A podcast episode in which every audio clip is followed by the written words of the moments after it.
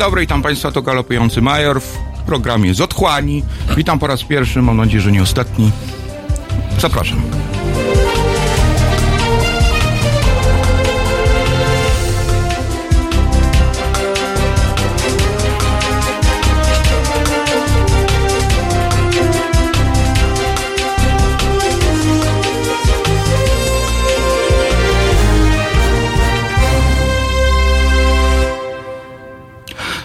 Dzień dobry Państwu, Mm, tu Galopujący Major. Witam w naszej, czy mojej autorskiej, powiedzmy, na ten moment, e, audycji z Otchłani, gdzie będziemy sobie opowiadać o, o prawicowym kontencie i będziemy sobie opowiadać o tym, co piszczy w czarnej dziurze zwanej polską prawicą.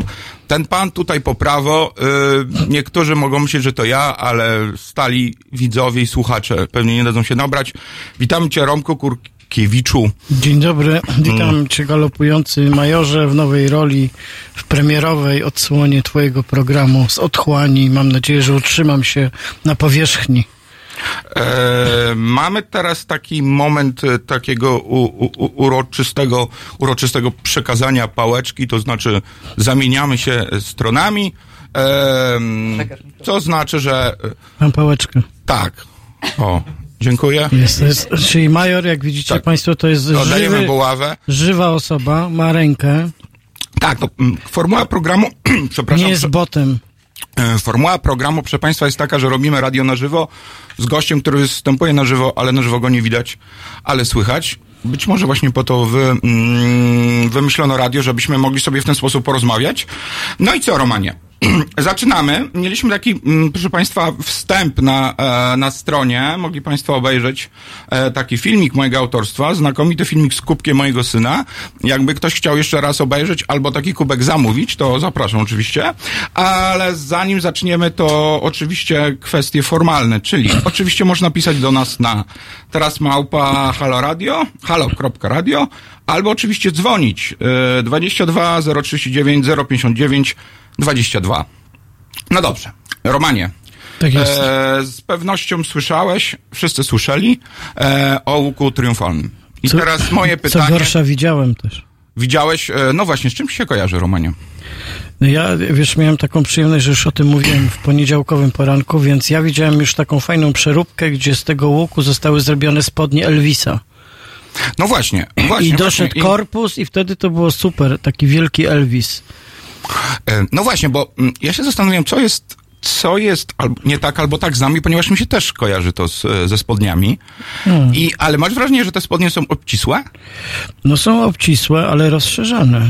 No właśnie, takie dzwony. Tak, no tak, i ja się zastanawiam, właśnie Elvis, tak? Ja tak Późny Elvis. a pamiętasz tą taką reklamę, gdzie prałeś pierwsze dzwony, z czego to było? Z Bistoru. Ty byś E, pamiętał, bo ja to może niekoniecznie. Mm, e, Nie, nie pamiętam takiej reklamy. Ale to było w latach 90. takich i ona nawiązywała do wspaniałych czasów. I ja mam wrażenie, e, ja mam wrażenie, e, jeżeli chodzi o tą, o, o ten łuk triumfalny, że on jest takim troszeczkę, zauważysz, że on jest takim homoerotycznym symbolem Polski. E, No, e, rozumiem, że w taką chcesz mnie wepchnąć tutaj mm, psychoanalizę.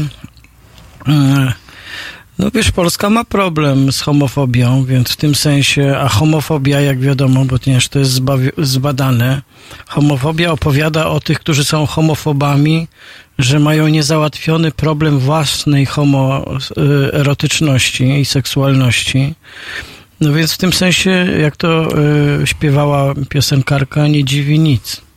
E, wiesz co, bo no właśnie, to się podobnie nazywa w ogóle gwizdanie w ciemno. Polega na tym, że e, im jesteś bardziej e, agresywny w stosunku do osób homoseksualnym, tym bardziej wypierasz własną homoseksualność, więc pozdrawiam tutaj Konfederację. Ale e, generalnie sytuacja jest taka, że ja mam wrażenie, że zobacz, jeżeli to byłby, jeżeli to byłyby spodnie, mm, no to ten napis 1920 to byłaby klamra. Jeżeli ten napis 1920 byłaby klamra... Że rozmiar. E, myślisz, że aż tak? Nie Dobrze, e, no bo ja bym tam, ja bym tam, oficjalnie dał po prostu napis na tej klamrze, coś, żeby było z Bogiem. I myślałem, myślałem tak, żeby było po prostu też religijnie, no bo to wiadomo, że to jest cud nad Wisłą. I myślałem, żeby był taki napis Bóg z nami. Ale po niemiecku. I wtedy, jakbyś miał taką klamrę, plus ten orzełek, on jest trochę niżej. Ja się tego boję, że będzie w pewnym sensie, w pewnym sensie, jak zobaczysz ten pomnik, on troszeczkę, wiesz co, był taki pomnik cara Aleksandra. I ten pomnik cara Aleksandra, on miał być na koniu w Moskwie czy w Petersburgu w XIX wieku, a wyszedł, jakby wyglądał na nosorożcu. Ja mam wrażenie po prostu, że nasz pomnik łuku triumfalnego stanie się, znaczy odegra trochę inną rolę niż miał odegrać. Znaczy nie będzie pomnikiem polskiej chwały, tylko e, będzie miał takie subwersywne trochę e, znaczenie i tego się trochę boję. No, powiem ci, że jeśli już miałem analizować te spodnie, to tak naprawdę właściwie jestem wstrząśnięty e, tym, że mm, właściwie w tej całej opowieści o tym tak zwanym cudzie, to mm, bardzo żywy na prawicy jest wątek Maryi Królowej Polski. Nie wiem, czy się orientujesz. W takim sensie to Nie powinien... No, to Maryja uratowała. Maryja. Matka Boska Królowa Polski. Uratowała Polskę przed Związkiem Radzieckim, który to sami zaatakowaliśmy, a potem... Więc Maryja. Więc jeśli Maryja, to ja nie rozumiem, czemu męskie portki? Dlaczego nie spódnica? Być może... Znaczy nie wiem, czy Maryja nosiła spódnicę, prawda? To były takie szaty, wtedy spódnica to jest późniejszy wynalazek chyba. No ale szata długa, taka powiedziałbym skrywająca. Znaczy, rzeczywiście... Sukniopodobna. No tak, wtedy rzeczywiście były takie czasy genderowe, bo wszyscy w sukienkach chodzili Tak. i dopiero potem wymyślono spodnie. No tak, ale opowieść słuchaj, ale jeżeli tam... o cudzie jest o cudzie, że Maryja, nie żaden Jezus, bo Jezus w ogóle jest przeżytkiem. Nie wiem, czy wiesz, bo my tutaj o e, warszawsko-centrycznie mówimy o o łuku triumfalnym, ale równocześnie radny Sadłoń w Zakopanym w Kościelisku zaproponował, żeby na butorowym wierchu wybudować Jana Pawła II wielkości Chrystusa z Rio de Janeiro, a nawet większego. Ale ten ze Świebodzina nie jest już większy jeszcze nie. Świebodzin to jest przy tym małe piki. To wiesz co, ja słyszałem inną. inną. Nie, ale to jest z zeszłego tygodnia, to jest nówka, nówka pomysł. Słuchaj, mm, ja słyszałem lepszy pomysł. Um, Na pewno. Słyszałeś o to armii chyba- terakotowej w Chinach? Oczywiście. No właśnie, to ja słyszałem, że był taki pomysł, tam gdzie jest ten betonowy tupo, tupole w Kałkowie, to się nazywa, bodajże w Kałkowie. I tam był pomysł, żeby zrobić żołnierzy, nie, poproszę, ofiary katyńskie w skali 1 do 1 jak armię terakotową. Ja słyszałem taką teorię, tylko że problem był taki, że e, niestety, ale miejscowi rolnicy nie zgodzili się za darmo oddać swojej ziemi. Więc został tylko betonowy Tupolew. Niestety już nie ma tego e, proboszcza, podobno zmienił się. Więc e, skończyły się e, architektoniczne e, przygody polskiego kościoła w Kołkowie. Niemniej jednak umówmy się, że nie podobał ci się pomysł. Znaczy, bo, bo ja też nie wiem oczywiście, jaki status ma akurat ten projekt. Mi się w ogóle żaden pomysł nie podoba pomnikowy właściwie. Więc w tym sensie tu jestem od takiej potem takiego marudzenia estetycznego, to już jest zupełnie wtórne. Ja po prostu nie lubię w ogóle tej pomnikozy, która w Polsce panuje. Patriotycznej i prawicowej tym bardziej. E, I, e, I w tym sensie rozumiesz, nie mam tu jakichś rozterek ducha, żeby przeanalizować, że to jednak jest prawie tak piękne jak schody mm, do nieba Kaliny na placu Piłsudskiego, prawda, te schody donikąd. A, To jest odsunięte schody od y, wejścia do samolotu. Jan Pieczak ma bardzo fajny pomysł. To jest, No to na pewno. to jest pomysł, e, żeby, był, Żeby była był kładka, która łączyła, znaczy taki łuk, który łączył dwie części Wisły. E, My na lewicy nazywamy to mostem. Tak, może- ale, może ale nie do końca, bo możemy to nazywać kładką, bo wtedy to jest most, który jest wyłącznie dla pieszych. I to jest wtedy kładka. A to jest wtedy lewacki most. Tak. I za takim pomysłem też jestem. Cho- chociaż wiesz to, y, część prawicy jeździ na rowerach. A kiedy to czytałeś Jana Pietrzaka o tej kładce? Bo ja o kładce już mówiłem wcześniej, teraz nie wiem kto komu. Wiesz A co? ponieważ ja o Pietrzaku nie słyszałem, to Pietrzak musiał Myślisz, że... słyszeć u mnie. Ale u, ja nie wiem, czy on Ja od lat- wyobraża sobie kładkę do użytku dla ludzi. Wiesz co, a może tak, ale to może tylko dla prawicy. Na przykład i będą takie paszporty na kładkę. Polsatu. Paszporty, po- i jest koło Polsatu jest rzeczywiście siedziby taka kładka, mogliby Nie, dawać. będą Ale paszporty patrioty i one będą cię upoważniały do przejścia przez kładkę. Prawo przejścia przez kładkę ma tylko ktoś, kto ma paszport patrioty. ja bym wolał mówić modlitwę i wrzucić monetę, wtedy od razu byś miał jedno i drugie, bo tak to możesz oszukać. Ale, To, że trzeba będzie wrzucić monetę, to się nie wyklucza.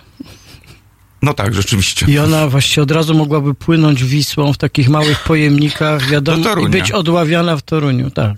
I to w Proste. sieci, w sieci prawdy by tam odło, Proste. I wtedy, I wtedy zobacz, w tej retoryce takiej antysystemowej skrajnej polskiej prawicy masz, omijasz system bankowy, tylko udrażniasz Wisłę. E, no i to Płyną te łódki z monetami, sobie wyobrażasz? Przecież jak byłoby złote, to byłby standard złota Ale boję razu. się, że jak ci rolnicy coś ziemi nie chcieli dać pod armię terakotową katyńską, to tak samo e, po drodze ci wszyscy rybacy e, słodkowodni by odławiali te łódki. Pu- Płuczki.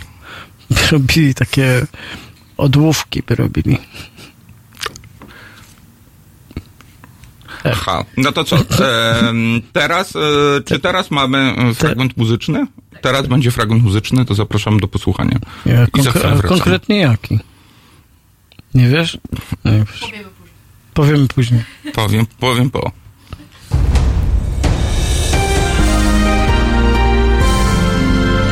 Dziś Między 19 a 21 reżyser i aktywista obywatelski Bart Staszewski oraz cała gama tematów pod hasłem Prawa osób LGBT. 19.21. www.halo.radio. Słuchaj na żywo, a potem z podcastów.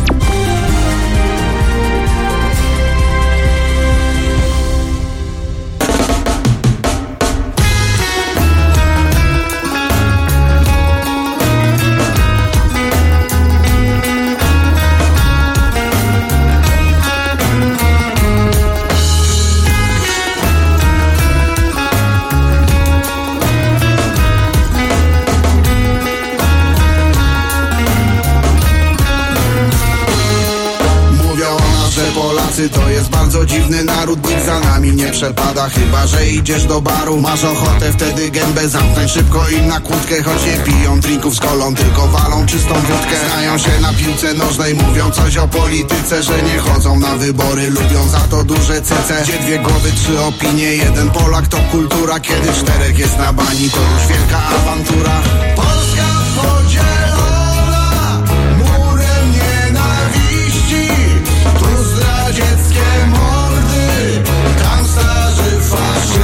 faszyści Polska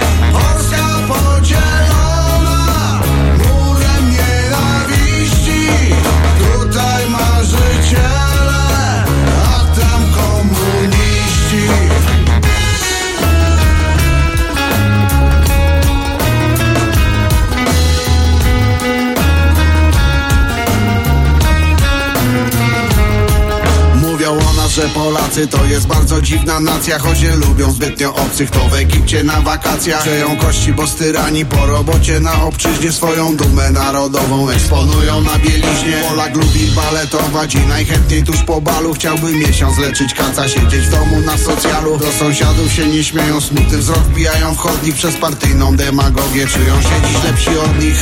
Polska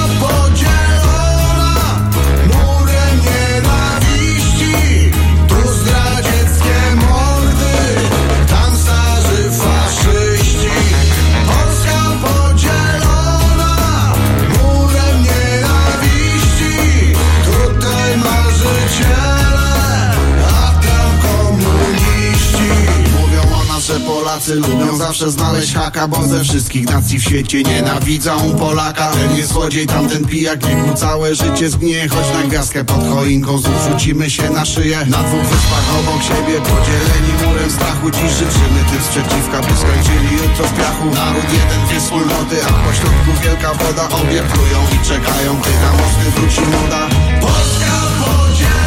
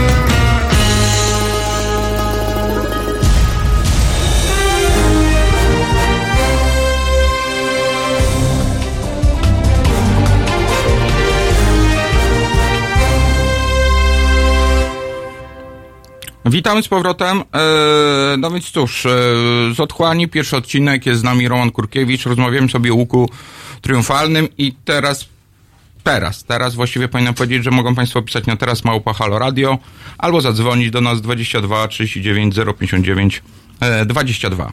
No więc cóż, mm, Romanie, e, nie podoba Ci się łuk triumfalny? Niestety muszę Cię zasmucić, ponieważ Dawid Wilstein, zwany na prawicy, a może przez nieprawicę, tak zwanym paniczem Wilsteinem, Em, Tu chodzi o pewne e, e, rodowe, em, rundową ciągłość. E, Napisał bardzo. mm, Znam tę familię. Mm, tak, napisał bardzo przykry dla ciebie post, a mianowicie Drogie GW i PO, uwaga, cytuję. Drogie GW i PO, na To, nic, to do mnie? Ja? ciebie ró- GW? to- To niby, że co? ale ty też jesteś GW i PO, ja również, każdy jest GW i PO, kto nie głosuje na PiS. Em, nic nie zrozumieliście z idei pomnika Bitwy Warszawskiej. To będzie ważne miejsce dla was i dla nas.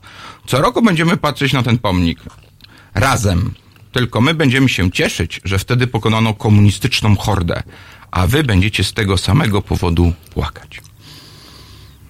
Brzydko mówi o dziadku, naprawdę wstyd. No właśnie, Romanie. Chciałem się ciebie zapytać, czy ty również słyszałeś tą historię, że y, właściwie dziadek y, Dawida Wilsteina, Jedyny dziadek w tej rodzinie porządny. a ojciec Bronisława był przedwojennym komunistą, więc pytanie jest, czy I on... szacunek.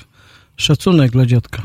Tak, e, również, ja również. To znaczy, chciałem powiedzieć, że y, naprawdę bycie przedwojennym komunistą y, jest y, jakby powodem do chwały, w przeciwieństwie do bycia przedwojennym faszystą, którzy dzisiaj, ich pogrobowcy, biegają po Częstochowie z jakimś tam zielonym sutnem. E, suknem właściwie.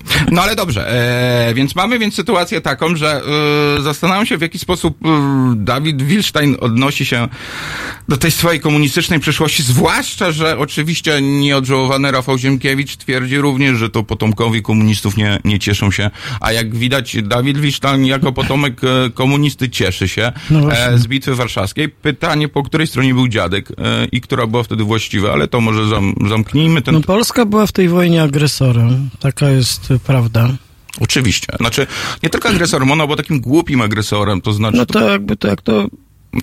jak to, no tak, no jak to agresor, no to nie Ale jest mądry. tak, jak to agresor, właśnie to chciałem powiedzieć. E, e, Natomiast jak była, była wyrazicielem, jak gdyby mm, to były takie polskie aspiracyjne podrygi, prawda, w, w pierwszych miesiącach niepodległości, żeby być jak ci, którzy nie lubią tych wrogów. Wtedy Związek Radziecki miał sporo, frontów otwartych miał sporo, no i marszałek postanowił się przyłączyć. I tu bardziej chyba chodziło jednak o to, żeby coś y, ucapnąć przy okazji. Raczej fragmenty, że tak powiem, y, odzyskać ziem dla Radziwiłłów, Czartoryskich i tak dalej, niż y, spór ideowy. E, Tak, no i oczywiście skończyło się jak się skończyło, to znaczy zdradą Ukraińców e, i potem było zdziwienie, dlaczego oni, e, dlaczego oni nas tak bardzo nie lubią. Natomiast no rzeczywiście, tak już jeżeli jesteśmy przy tych historycznych klimatach, no to to jest dosyć ciekawa kwestia. Pierwsza to Polacy być może rzeczywiście myśleli, że to będzie tak jak rozbrajanie, tak jak rozbrajanie tych Niemców, co tam się w czytankach czytaliśmy, że ci bolszewicy dadzą się e, rozgromić. Natomiast e, moim ulubionym takim memem z tej wojny jest to, że Polska uratowała świat. Nie wiem, czy sobie zdajesz się z tego e, sprawę. To znaczy, Znaczy, to jest taka, to jest taka, to jest taka słynna e, światowej sławy opinia historyków, niektórych historyków prawicowych w Polsce. nie, nie, to jest, to jest, to jest opinia jednego lorda, o którym nikt nigdy nie słyszał, A. poza tym, że on to powiedział. Jeżeli lord coś powiedział, to znaczy, Nie, no że to jak lord lordowskie, powiedział. lordowskie mądrości są na tyle istotne, e, że niestety, no, uratowaliśmy ten świat. To znaczy, Armia rosyjska, która przegrywała wojnę od 50 lat wszystkie.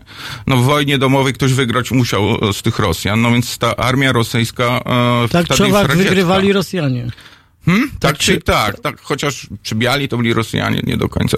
No ale dobrze, niech, e, niech będzie, wygrywali, wygrywali, znaczy przegrywali, przegrywali, przegrywali i nagle mieli podbić świat, to znaczy armię brytyjską, e, armię francuską, gdzie po pierwszej wojnie tam po 600-400 tysięcy żołnierzy jeszcze, w Niemczech chyba 600 tysięcy jeszcze stacjonowało, mm, niezdemoralizowany i oni wszyscy e, byliby przez tych bosonogich chłopów skazania, czy tam skądś e, podbici. To jest taka teoria polska i Polska i widzisz, no i tutaj mam ten pewien problem, czy to Maryja jednak, czy Polacy, bo zauważ, Maryja wygrała bitwę warszawską. Ale jednocześnie, gdy wyjeżdżasz na zachód i rozmawiasz z ludźmi na zachodzie, polski prawicowic, to zobacz, zapomina i wstydzi się Maryi. Nie mówię o Mówi, tym? mówi, że Polska. Aha. Więc, no, Ale Maryja to Polska, Polska to Maryja, więc właściwie Izraelitka. Nie wiem, czy słyszałeś, to Romanie. jest nieprawda. E, Maryja pochodziła spod Nowego Sącza była Polką. Dobrze. W sumie mm, w tym sensie, w tym sensie e, rzeczywiście moglibyśmy... Widzisz, szachmat. Nie, bo ja się teraz cały czas zastanawiam, Widzę, że się zaciukałeś. No, Zaciukałem się, bo kim jest Jezus teraz. tak, Jezus jest Polakiem. Tak jak, jak Jan Paweł II. Po prostu jak może nie wiedzieć po prostu fundamentów, po prostu na których Może nasza Ja kultura. zawsze myślałem, że Jezus jest To Rosjaninem. są dwa fundamenty, tak jak te nogi tego, wiesz, ja nie mogę sprzed oczu przegnać tego obrazu cieszącego się Dawida Wilsteina na brzegu rzeki e, w każdą rocznicę, wiesz, jak on tam stoi na brzegu, na bulwarach wybudowanych przez I płacze. I się cieszy. I się, I się płacze, a duch dziadka z góry macha pięścią, mówi, z czego się gówniarzu cieszysz? Mogło być zupełnie inaczej. Natomiast ja czytałem bardzo taki fajny artykuł o tej wojnie. Znaczy taki wpis na Facebooku, teraz nikt artykułów nie czyta. I ten wpis mówi, że to była wojna, jeżeli już tak patrzymy na nią z lewicowego punktu widzenia Polski.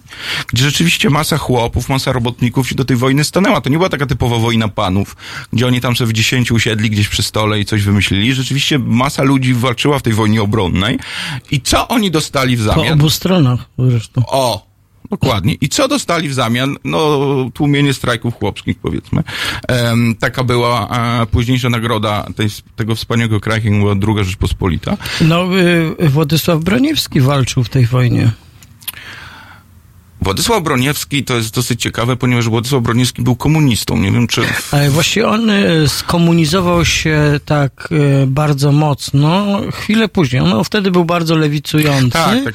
ale skomunizował się chwilę później. Ale w wojnie udział brał, co zresztą wracało do niego potem rykoszetem, kiedy był aresztowany w Lwowie e, w 1939 roku.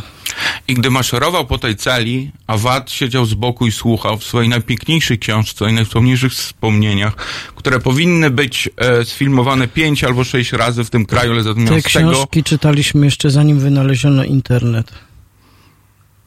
Dokładnie. Tak jest. Więc... E, To był nasz internet. To, to była nasza Wikipedia. E, Właściwie- Watopedia. Ale wiesz, mój wiek wata właściwie jest takim rodzajem internetu, bo tam po prostu masz te setki wątków, bocznych historii, tysiące bohaterów, bohaterek. Był taki tematów. moment, kiedy ja się zakochałem w Wacie, czytam jego wszystko łącznie z Myślałem, listami do. Olgi. Olgi Watowej, Myślałem, że z, Watowej się e, dziennik bez samogłosek, e, hak na kluczy, czy świat na haku, jak to tam było. Ka- W każdym razie e, rozmawiałem też, a dobrze, jak już tak erudycyjnie rozmawiamy, to rozmawiałem też z Krzysztofem Rutkowskim, który opowiadał nam, e, opowiadał mi, że odcyfrowywanie, odczytywanie tych notatek Watowski to był koszmar po prostu.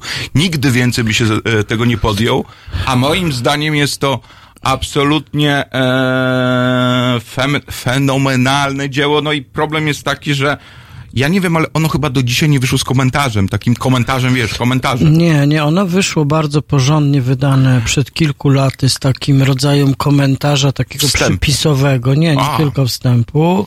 To jest dwutomowa edycja, którą wydało, wydaje mi się, wydawnictwo Universitas. I ono O. już jest takie naprawdę bogate. Ale nie wiem, czy wiesz, ale mm, Bibliotece Narodowej w Warszawie y, są dostępne, można wysłuchać tych nagrań, tych rozmów. Ale to nie jest, czy to uniwersytet nie dostało, tam nie była też płyta dodana? Była. Tam to No, było. Tak, tam jest też płyta. No to są fragmenty z tego, co jest dostępne w Bibliotece Narodowej. Możesz posłuchać Wata. Tak. Oryginalnego wata. E, mieliśmy mówić o otchłani, mówimy o otchłani watowskiej. E, właściwie. E, I co? I jeżeli miałbym Państwa zachęcić teraz tuż przed przerwą, to te, ta minutka, dwie Państwu może nic nie da, ale już po programie proponuję poszukać e, Wata i poczytać e, coś, jak wyglądał prawdziwy komunizm. Aleksander Wata. Tak. No, tak, no, on był prawdziwym komunistą do pewnego momentu. A gdy miał 4 lata, przeczytał e, Tak, Wojny i pokój. On był, w tak, bo on był trochę takim dzieckiem jak John Stuart Mill, który nie wiem, czy wiesz, ale w wieku lat trzech mm, znał łacinę grekę i w wieku lat sześciu czytał Platona w oryginale. Bo, boję się takich ludzi. E, Bo tata, ale widzisz, on wyrósł na dobrego chłopaka, chociaż Tak, i- nie przyznawał się do tego, że właściwie część jego książek napisała jego żona. W tym taką książkę, w której e, e, właściwie on zgłasza taki niesamowity pakiet postulatów Tak, feministycznych. To jest, to jest słynna książka, ale to nie wiem, że to jego żona, ale to no tak, teraz to, już się no, wszystko to składa. takie były czasy, że Pewną całość. takie były czasy, To że o żonach, które wnosiły sporo, nie mówiło się w ogóle. Ale to chyba tak jak e, podobno siostra Mozarta. Jeszcze bardziej zdolna. Ja nawet niestety. nie wiedziałem, że Mozart miał e, siostrę. Się wszystkie jego kobiety kojarzą mi się inaczej. Dobrze, to teraz e, czas na kawałek muzyczny. Mm, Zapraszam.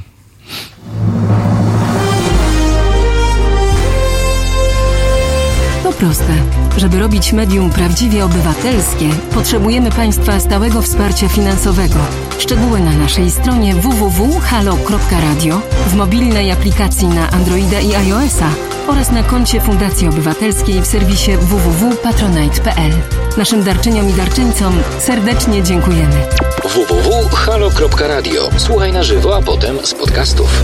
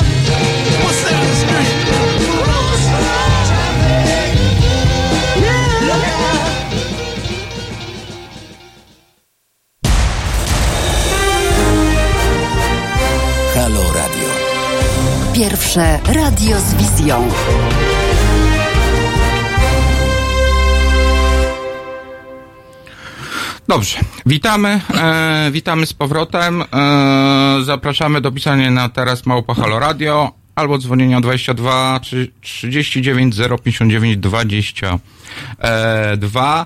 E, widzę tutaj w komentarzu, ktoś się mnie spytał, czy, czy, czy, czy galopujący Mario to nie jest Jan Śpiewak.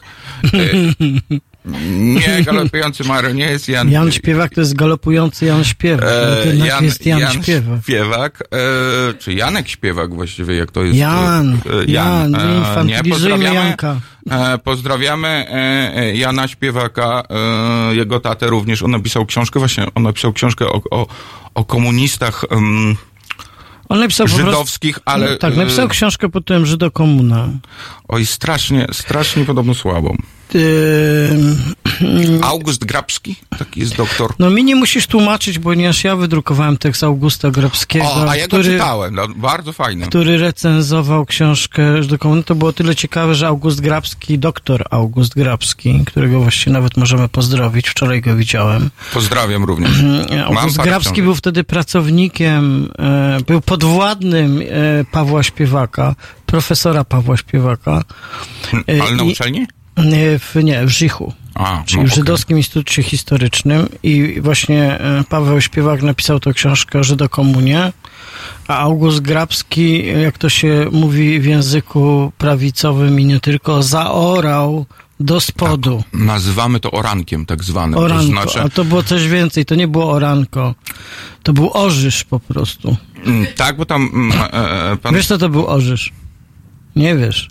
Otóż Orzysz, gdzie do dzisiaj na Mazurach jest jednostka wojskowa, był legendarnym jednym z tych kilku, z tych kilku miejsc w Polsce, gdzie były kompanie karne w PRL-u. No przecież każdy, kto oglądał samowolkę z Państwa? No. Wszyscy oglądali. No i tam jest taki tekst. Kto zlikwidował tą, trzeba było nie likwidować jednostki karnej w Orzyszu. No, i właśnie. I, on, I zesłali starszego śpiewaka, jego podwładny, zrobił mu orzysz w tym tekście. Rzeczywiście, ja pamiętam, tam był w ogóle problem z imionami, nazwiskami mylonymi, coś, coś No niesamowitego. to, no to, no, no, czy jak to taki, to był tekst bardzo krytyczny, a z drugiej strony to, co najgorsze, nieprzyjemnie merytoryczny. Tak, bo takie są najgorsze, jeżeli ktoś ma rację. Najgorsze, najgorsze. To jest najgorsze. To się zresztą skończyło tak, że Paweł Śpiewak wyrzucił Augusta Grabskiego z pracy. O, o, a o tym widzicie Państwo, jak I to czasami August dobrze Grabski do się radia. przez całe lata procesował e, ze swoim dyrektorem, którego krytykował. Bo to zawsze jest na dwoje babka wróżyła. Czyli jak zaatakujesz własnego przełożonego, to albo dostaniesz ochronę, albo dostajesz taki łomot. Czy w Polsce jest albo będzie źle, albo bardzo źle. I ja takie mam wrażenie. I no to... No, Ja mam raz w życiu miałem inne doświadczenie. Przepraszam, to jest trochę dygresja, ale, Ale tu... pracowałem kiedyś, y, spadło dzisiaj to słowo, ale pracowałem kiedyś w telewizji Polsat. Tak. Czyli moim szefem był Zygmunt Solosz.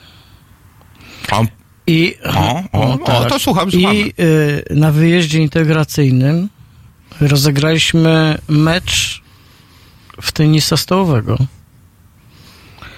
E, I boję się trochę tej... Dobrze, słuchamy, proszę no, piękna historia. Wiesz, ja kiedyś jako dziecko byłem e, zawodnikiem, a Solosz też był zawodnikiem.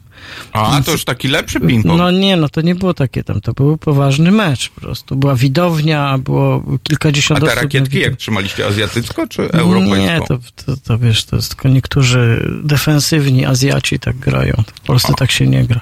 Mhm. Graliśmy normalnie. Nie, w każdym razie było, było tak, że e, było pytanie, wygrać czy nie wygrać, prawda? Czy wygrywa się z szefem, czy nie wygrywa, z którym ma ambicje sportowe, bo Zygmunt Sorosz na przykład bardzo dobrze gra w tenisa zimnego.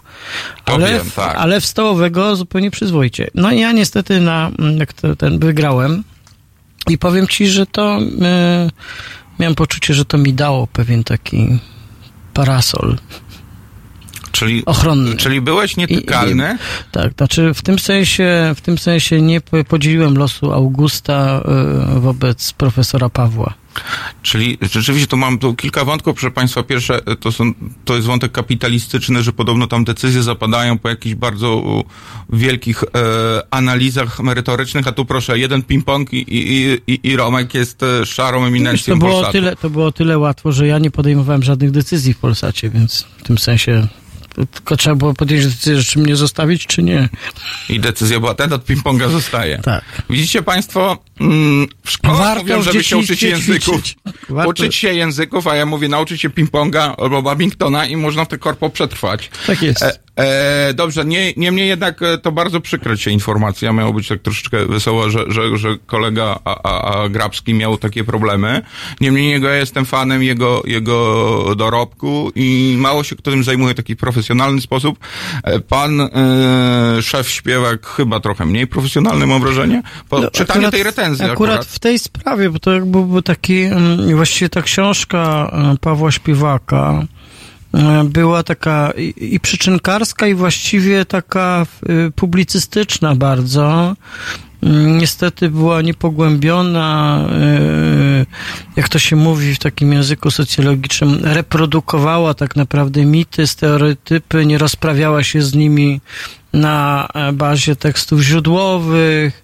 To, jednak jest tak, żeby, żeby o tym pisać, y, trzeba na przykład właściwie znać co najmniej dwa takie języki, jak jidysz i hebrajski. A właściwie głównie jidysz trzeba znać, żeby o tym napisać tak. A ile osób w Polsce zna jidysz? Dzisiaj No to, poza oczywiście Dzisiaj- Unią Wolności całą. dzisiaj, dzisiaj to jest niewielka grupa, aczkolwiek są już kierunki na studiach i w Warszawie, i w Krakowie.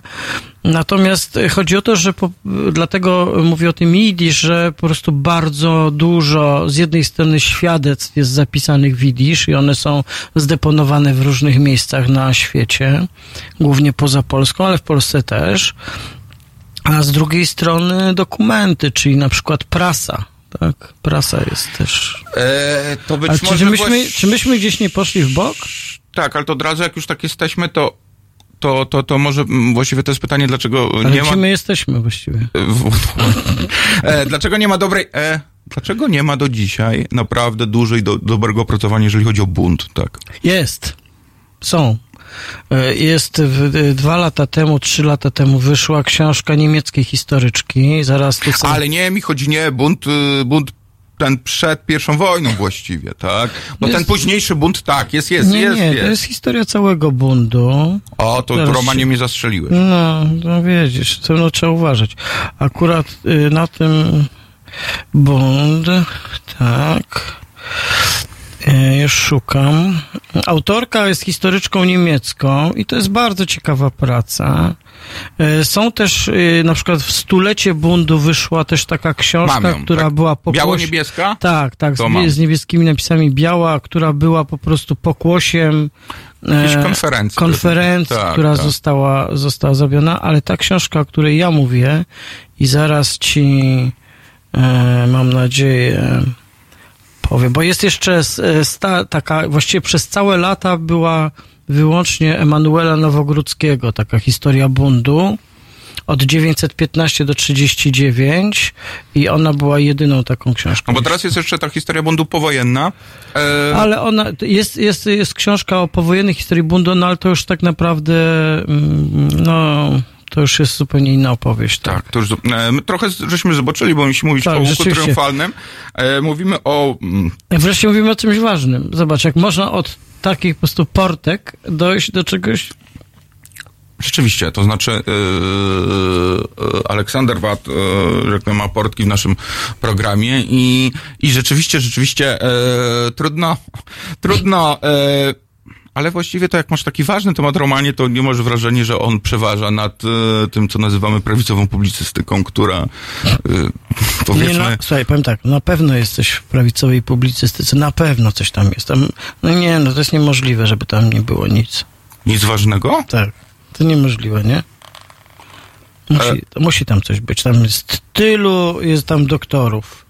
Tylu jest tam naukowców. Masz IPN, który ma budżet większy niż Polska Akademia Nauk. Przecież to po prostu nie ma siły. E, Dobrze, proszę Państwa, Roman mnie przekonał i będziemy musieli e, po przerwie e, sobie e, porozmawiać na temat pols- prawicowej publicystyki, bo rozmawiałem cały czas na temat lewicowej. E, I teraz będziemy mieli e, kawałek e, dźwiękowy. Electric Feel. Zapraszam. Elektryczny. W sobotę Od 17 do 19 Estera Prugar i jej kulturalnie muzyczni goście. 17-19. www.halo.radio. Słuchaj na żywo, a potem z podcastów.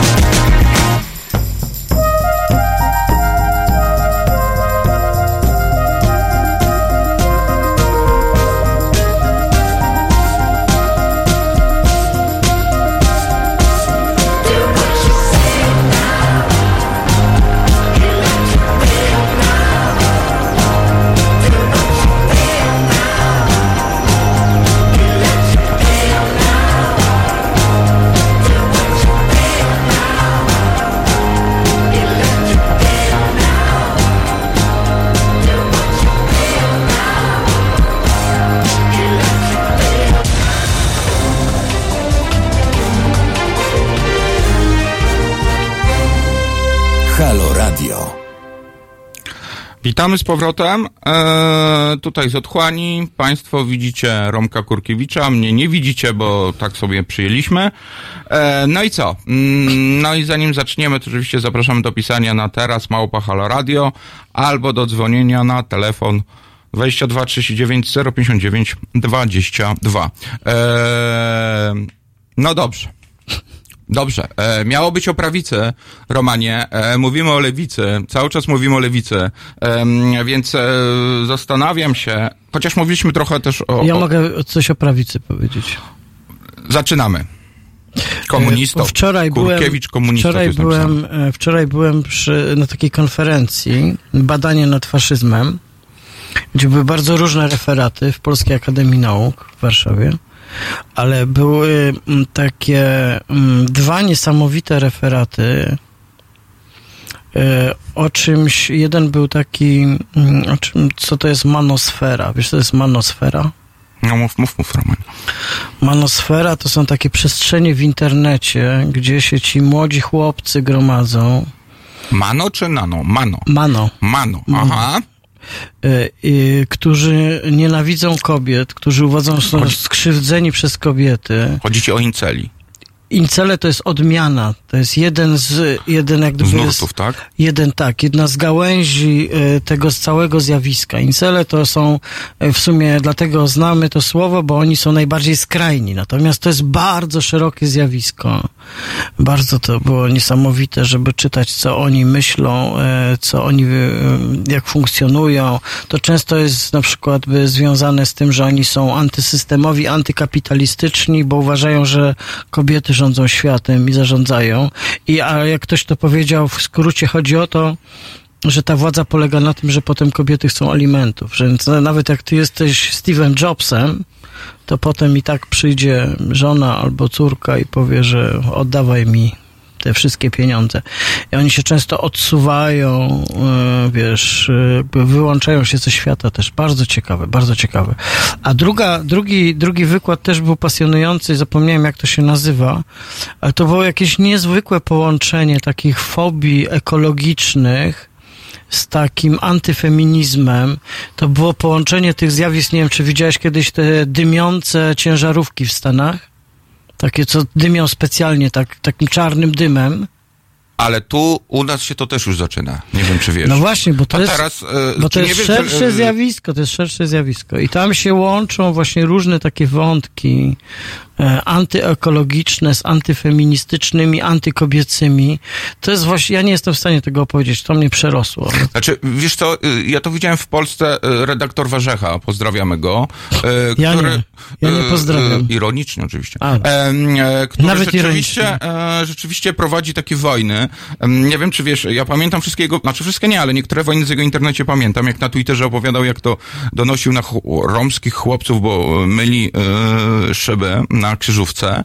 Ostatnio pisze, e, nie wiem, czy wiesz, że pisze też po angielsku i pisze do Grety e, od e, globalnego ocieplenia, czyli pisze do nastolatki, że jest very, very bad. To jest I Warzecha jest very bad i on teraz specjalnie celowo będzie do, dorzucał CO2 do atmosfery, a ostatnio powiedział, że w ramach obywatelskiego nieposłuszeństwa ma źle palić w kominku.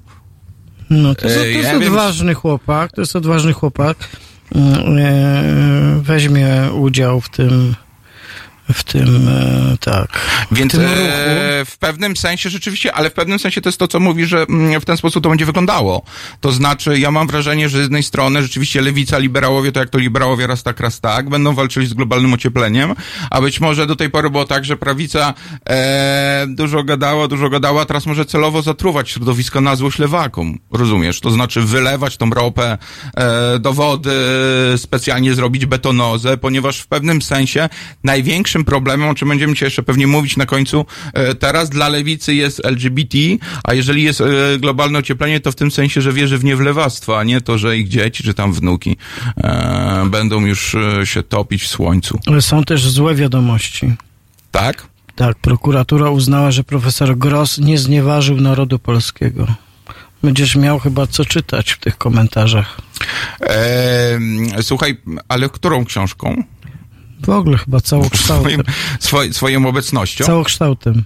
E, nie wiem, nie wiem, czy wiesz, nie wiem, czy wiesz, że teraz jest e, sytuacja e, mm, taka, że Wojciech Sumliński wydaje swoją książkę nową. E, czterokrotnie e, z doktorą Ewą Kurek. E, czterokrotnie omówiono mu sali, ale gdzieś tam znalazł podobno w końcu we własnym prywatnym mieszkaniu, czy coś. Nie, nie, gorzej. Znalazł... Czy w Stowarzyszeniu Dziennikarzy Tak, Polskich? znalazł u Skowrona, czyli w Stowarzyszeniu Dziennikarzy Polskich. Tam jest teraz ta jaskinia.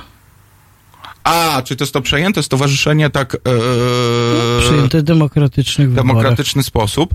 E, rzeczywiście, no i okazuje się, że em, to teraz e, prawdopodobnie Niemcy albo Żydzi będą musieli przepraszać za jedwabne, nie, nie Polacy.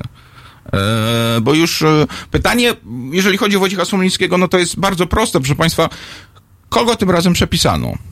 Ja tutaj mam dla Państwa taki e, bardzo ciekawy przykład, jeżeli chodzi o samego Wojciecha Sumlińskiego, e, więc e, to jest rzecz, która w pewnym sensie jest fenomenalna. I tutaj przeczytam wpis z Wikipedii, bo on jest dosyć, dosyć ciekawy. A mianowicie, ponadto Sumlińskiemu zarzucono splagiatowanie pracy autorstwa własnej córki, napisanej w formie listu na pierwszą edycję konkursu List do ojca, list do taty Tygodnika Podlaskiego. Sumliński był jego redaktorem naczelnym. Fragmenty konkursowego listu, napisanego najprawdopodobniej przez Sumlińskiego w imieniu córki, zostały skopiowane z książki Michaela O. Bryana. Czyli sytuacja jest taka, że ja się trochę boję tej nowej książki. Liczę na fragmenty sztuk mistrza z Lublina, liczę na fragmenty Biblii, e, liczę na, o może coś z bundu też będzie, wiesz. E, natomiast no, jestem pewien, że Polacy byli, e, że Polacy byli niewinni. To jest trochę jak z tym, wiesz, jak Ulmowie i jest to prawicowe Muzeum Ulmów. W całej miejscowości mordowano Żydów, natomiast jedna rodzina Ulmów nie mordowała i to jest sytuacja, która, e, że tak powiem, e, z której Polska powinna być dumna. No więc niestety, mm, tak to, e, tak to e, wygląda, ale cały czas, ja, znaczy z drugiej strony, wiesz, to mm, może to i dobrze, że takie książki pisze Wojciech Sumliński. Y, No, Bo- jakby to powiedzieć, nie miałem okoliczności. Nie, nie, no mówiąc prosto, jakoś nie. Ja czytam, y, ja czytam bardzo dużo i za dużo. I zdarza mi się czytać książki bardzo złe i niedobre, ale tu mnie nie zagnało. Znaczy, nie, nie, nie, nie, Romanie, źle, Tak, tak, tak, źle, tak. Nie, nie, wytłumacz. Jak czytałeś Forsyta, to znaczy, że czytałeś Sumlińskiego. Jak, Nie, no, nie, większość tych no książek, nie. których czytałeś, to one tam gdzieś tam ale u tego cię, się ale, przewijają, Ale więc... Foresight to jest Foresight, no co ty. Znaczy, prawdę mówiąc, mówię o Dniu Szakala. To jest No. świetna książka. No, no to pewnie jest To i tam, nie? tak pisze? No, No, ty chciałeś mu nie. zrobić kuku, a ja teraz się rzucę na Sumlińskiego. No ale to tak jakbyś miał cały czas przegląd całej amerykańskiej, wiesz, biblioteczki kryminalno-szpiegowskiej. A.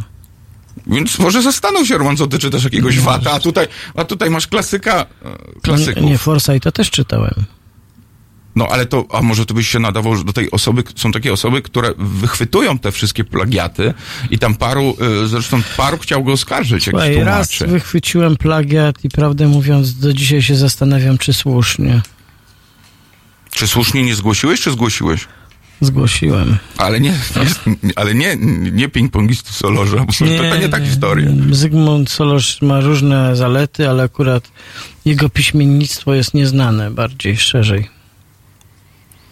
Dobrze, to e, w takim razie może rzeczywiście, e, jeżeli e, Państwo, ja namawiam oczywiście, jeżeli chodzi o książki Sumlińskiego, żeby pogooglać, co jest z czego. Ja mam cały czas taką wizję, że to jest taki chłopak zagoniony, co w tym kościele siedzi, co miał samobójstwo popełnić, a tak naprawdę za jakieś... Taki jest pogubiony. Nie? Mm, Nie było tak? Znaczy, Nie chował się w kościele? Tak, tak, to były te historie, że odkrył spisek, e, kto zabił popiełuszkę księdza i Przecież wiemy, kto zabił, bo... Czy nie? Czy to jeszcze okazało się, że to... tylko nie może Jezus, bo tu już dzisiaj będzie. Nie, Jezus, nie. E, no dobrze, Romanie, ujawnij to na, po raz pierwszy w Halo Radio. Co? No, kto zabił księdza Popiełuszkę? No słuchaj, jak, jak oni się nazywali? E, czekaj. E, Grzegorz Piotrowski nazywał się jeden z zabójców. Nie, no Romanie w ogóle. E, drugi się nazywał. W tej sprawie też mam pewną anegdotę do opowiedzenia, ale jeszcze dzisiaj się nie odważę. Dobrze. W takim razie e, część e, muzyczna Lemongrass, Blue Skies in Your Eyes. Aha.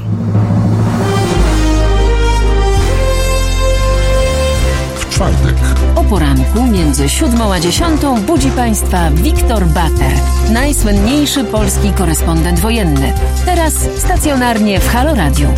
Polityka zagraniczna, a sprawa polska. Od siódmej do dziesiątej. www.halo.radio. Słuchaj na żywo, a potem z podcastów.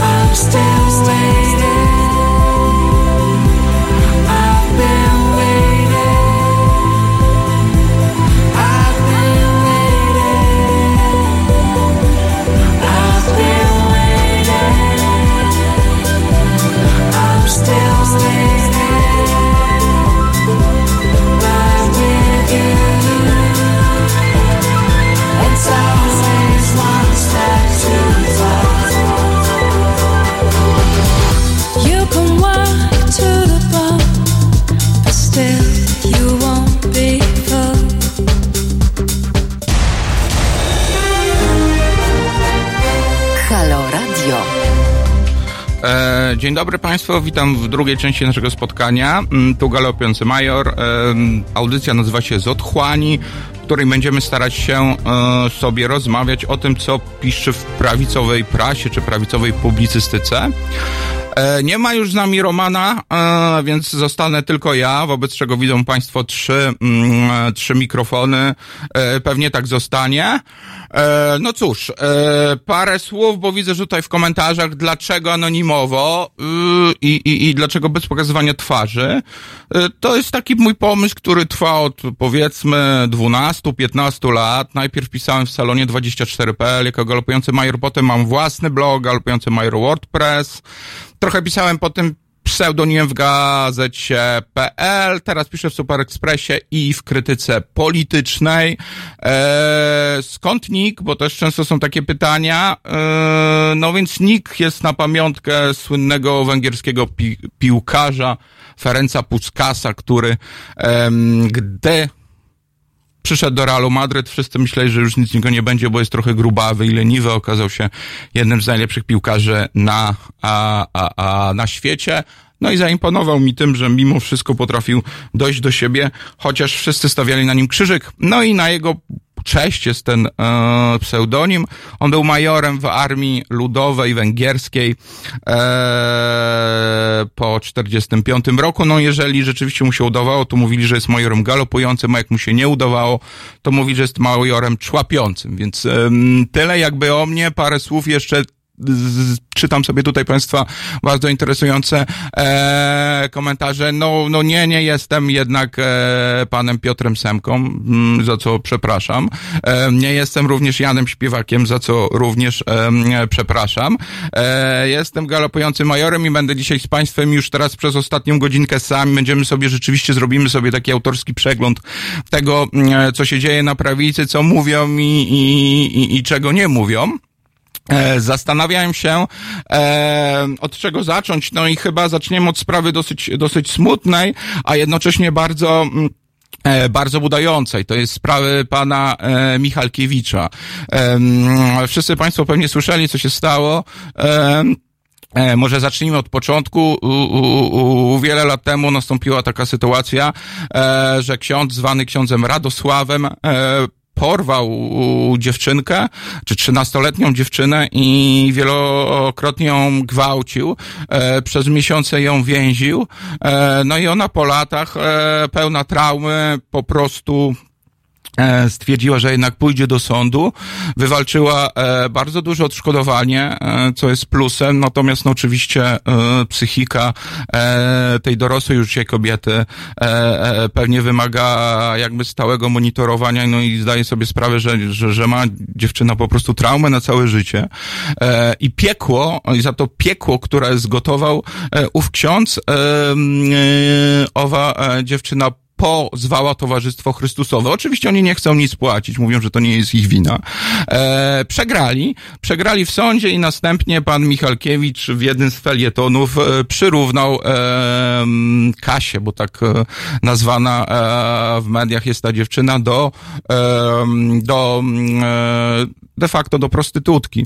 E, na co ona go pozwała. E, na prawicę oczywiście em, na początku stwierdzono, że ona go nie pozwała, tylko zniesławiła, ponieważ polska prawica ma to do siebie, że nie odróżniają postępowania karnego, cywilnego. Ziemkiewicz pisze o jakimś zniesławieniu, e, podczas zniesławienie to jest po prostu przestępstwo, a pozywa się za naruszenie, na przykład naruszenie dóbr osobistych. Prawica tego nie odróżnia. E, pan Michalkiewicz dostał wyrok zaoczny, ponieważ nie stawiał się na rozprawie, a nie stawiał się na rozprawie, ponieważ zawiadomienia o tym, że będzie rozprawa spływały na jego adres, a on okazuje się, że mieszka gdzie indziej. I tak teraz mamy sytuację, proszę Państwa, że pan Michalkiewicz dowiedział się, że nagle jego konto jest uboższe o, uwaga, 190 tysięcy złotych? 190 tysięcy złotych, yy, bodajże tyle, o tyle chudszy jest pan Michalkiewicz. Wszyscy jesteśmy za tym, żebyśmy byli jak najbardziej fit, więc ja się cieszę, że e, o tyle schudło konto pana e, Michalkiewicza. Gdy pan Michalkiewicz się o tym dowiedział, to oczywiście wszczął raban i, co jest najgorsze, ujawnił dane osobowe e, tej dziewczyny, a następnie fani Michalkiewicza zalali ją falą hejtu, wobec czego cała ta sprawa z wzmożoną e, falą wróciła do niej. E, tak niestety wygląda e, tak niestety wygląda sytuacja. Co jest w tym dobrego, co jest w tym złego? No mianowicie dobre jest w tym to, że, mm, że to był pierwszy taki wyrok sądowy, chociaż w grudniu podobno ma być e, kasacja w Sądzie Najwyższym rozpatrywana. Że to był pierwszy wyrok, gdzie Kościół nagle zaczyna odpowiadać za to, co robią ich e, podwładni. E, wyrok był dosyć, znaczy to kwota przyznana była dosyć duża, bo ona była powyżej miliona złotych, co również jest budujące. Państwo polskie zaczyna wracać na e, prawdziwe e, em, e, tory pewnej praworządności. Co jest tutaj budujące, to jest to, że no tak jak mówiłem, pan Michalkiewicz jest e, o jakieś 100 tysięcy złotych e, chudszy. No ale co nie jest budujące, albo może jeszcze, co jest jeszcze budujące? Otóż podobno sam sama jego eminencja Korwin-Mikke, on się odciął od pana Michalkiewicza. No i co jest ciekawe, pan Michalkiewicz niestety albo stety, e, nie wystąpi na targach książek historycznych. Kiedy pa, gdy państwo czasami wejdą na te targi książek historycznych, gdzie 80% pozycji to są książki, które kocha jakby prawica, ponieważ prawica, jeśli czyta, to głównie czyta właśnie e, pozycje historyczne, więc jest to takie miejsce pewnego spotkania się prawicowych czytelników z prawicowymi autorami. No i z tego, co czytam, pan Michalkiewicz tam nie będzie, no bardzo, bardzo nam jest przykro z tego powodu. Mam nadzieję, że w warszawskich targach książki mm, majowych będzie podobnie, o ile pan Michalkiewicz w ogóle tam był, e, tam był zapraszany. E, oczywiście wydaje mi się, e, że pewien ostracyzm, który jest w stosunku do pana Michalkiewicza po tym, co zrobił i tak jest za mały. Oczywiście tutaj nie na... Um, pędzam żadnej nagonki, natomiast uważam, rzeczywiście no, są pewne czyny, za które nie podaje się komuś ręki i z kimś się nie rozmawia i tutaj mamy e, do czynienia właśnie z taką sytuacją. Kolega Jakub Żulczyk również pewien skandaliczny, znaczy odniósł się do tego skandalu siebie na fejsie. Wiele osób, e, również te o prawicowych e, poglądach jednak otworzyły oczy ze zdumienia, ale ja tych oczu ze zdumienia nie otwieram, ponieważ uważam, że tak często, jak prawica krzyczy o e, krzywdzie dzieci, tak bardzo ta krzywda dzieci ich zupełnie nie interesuje. Jest to pewien straszak w stosunku do państwa, w stosunku do lewicy, w stosunku do liberałów, a de facto nie ma na ten moment organizacji czy ideologii politycznej, która byłaby dla dzieci większym zagrożeniem niż e, zagrożeniem jest e, niż zagrożeniem jest e, polska prawica. Ja nie mówię już tu tylko o, o, o globalnym ociepleniu, ja nie mówię tutaj o, o, o, kwestii tego, w jaki sposób dzieci są em, traktowane przedmiotowo. Mówię przede wszystkim o kwestii pedofilii, to znaczy, proszę Państwa, sytuacja jest taka, że po, po, po filmie Sekielskiego nic, a nic się nie stało, już prawica ma prokuraturę, Trybunał Konstytucyjny, Sejm, Senat. Żaden ksiądz nie został pociągnięty do odpowiedzialności.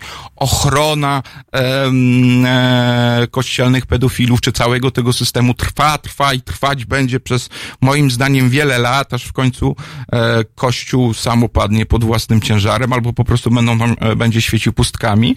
E, także w moim przekonaniu, w moim przekonaniu to jest chyba jeden z najważniejszych newsów ostatnich tygodni. Nie kwestie polityczne, ale kwestia tego, że nagle jednak system prawny zaczyna brać ofiary w swoją mm, e, opiekę.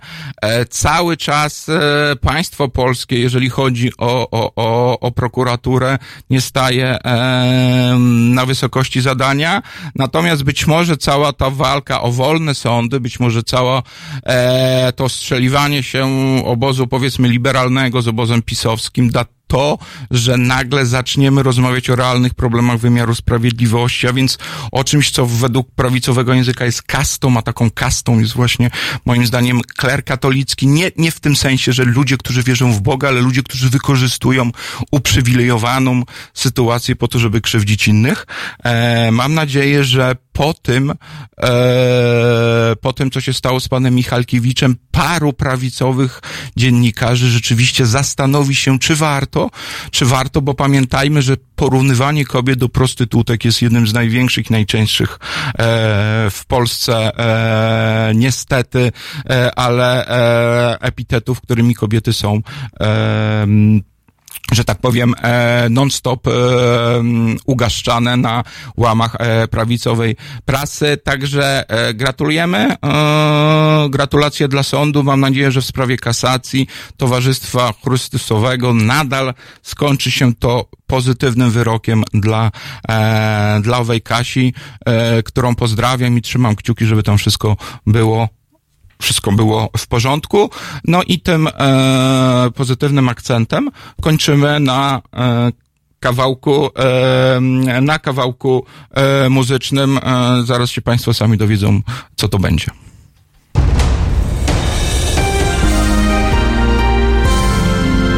W sobotę Od 21 do 23 telefony od Państwa odbiera Wojtek Krzyżaniak. Rozmowa, dialog, zrozumienie i żadnej agresji. 21-23. www.halo.radio. Słuchaj na żywo, a potem z podcastów.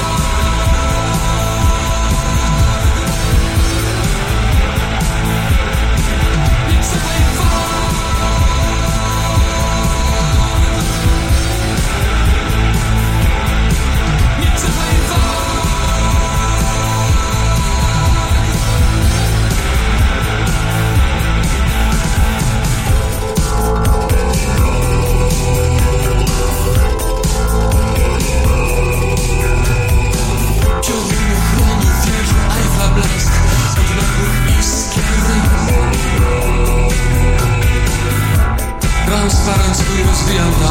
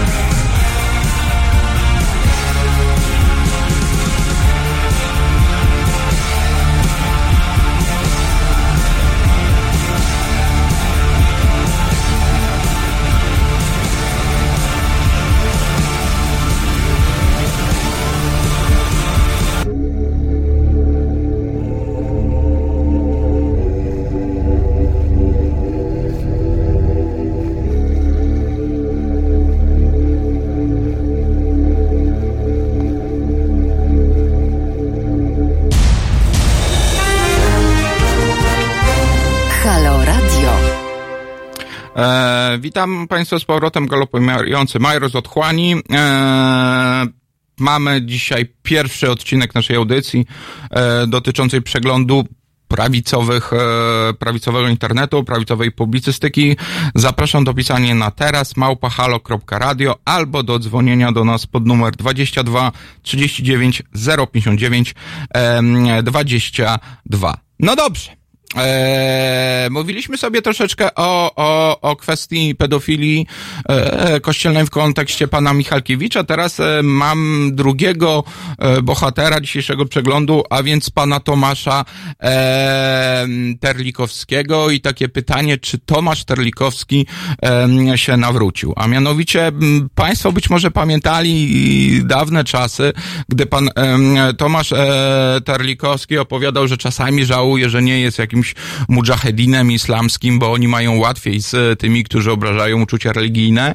Być może Państwo pamiętają tą słynną sprawę, gdy Jaś Kapela napisał felieton, że należy adoptować dzieci pana Terlikowskiego i oddać homoseksualistom do e, wychowania. E, ten żart bardzo wtedy wzburzył pana, pana Tomasza i, i, i, i, i, była mała awanturka z tego w internecie. Natomiast od dłuższego czasu y, Tomasz Terlikowski sprawia e, wrażenie człowieka, który, jakby tu powiedzieć, chyba się nawrócił. I być może rzeczywiście zaczął wierzyć w Boga takiego chrześcijańskiego, powiedzmy, a nie takiego e, prawicowego. I tutaj e, przeczytam Państwu fragment wywiadu, który e, pan Terlikowski, m, którego pan Terlikowski udzielił panu Sroczyńskiemu, Grzegorzowi, a mianowicie pytanie brzmi, gdybyś miał do wyboru Polskę rządzoną przez partię Razem i Polskę rządzoną przez liberałów z PO, to co byś wybrał? No właśnie, i co odpowiada pan Terlikowski? Po wielu, wielu kwestiach bym się dogadał z razem. Progresja podatkowa, więcej pieniędzy na publiczne szpitale, komunikacja na prowincji, umowy śmieciowe, równe płace dla kobiet, to wszystko są kwestie wypływające ze społecznej nauki Kościoła. Ale nie, goda, nie dogadamy się światopoglądowo.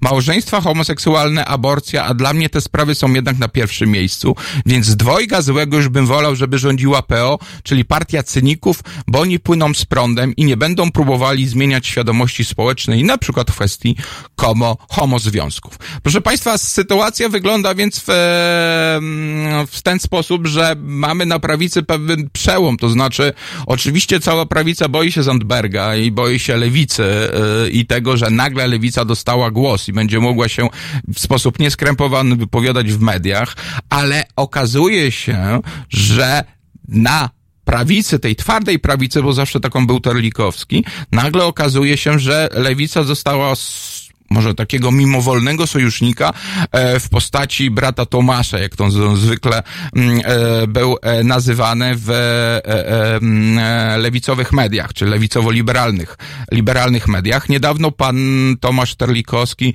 również opowiedział się przeciwko chowaniu arcybiskupa Jędraszewskiego w, w mm, poznańskiej katedrze, aczkolwiek tutaj e, trzeba oddać sprawiedliwość, że w sprawie pedofilii pan Terlikowski zawsze miał zdanie e, dosyć jednoznaczne i potępiał Kościół, więc tutaj nie mieliśmy czegoś takiego, e, jak to e, było w przypadku niektórych e, tygodników, chociażby, żeby wspomnieć pana Lisickiego, e, który nie puścił raz jednego tekstu dotyczącego molestowania, ponieważ stwierdził, że po prostu za dużo takich tekstów już było napisanych w jego gazecie.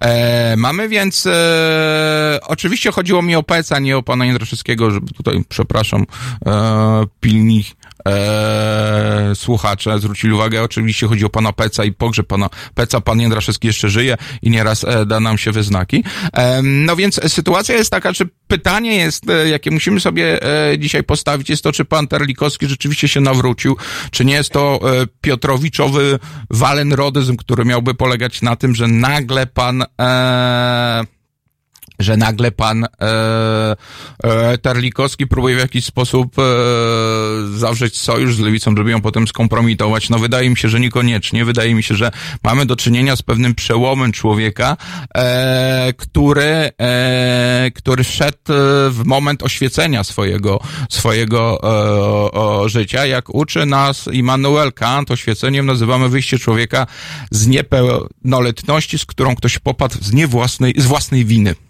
I teraz sytuację e, mamy taką, rzeczywiście pan Tomasz Terlikowski trochę popadł z własnej winy, ale w tym wywiadzie dla Grzegorza Sroczyńskiego mówi coś bardzo interesującego z punktu widzenia analizy polskiej prawicy, a mianowicie pan Terlikowski zaczął wyjeżdżać za granicę.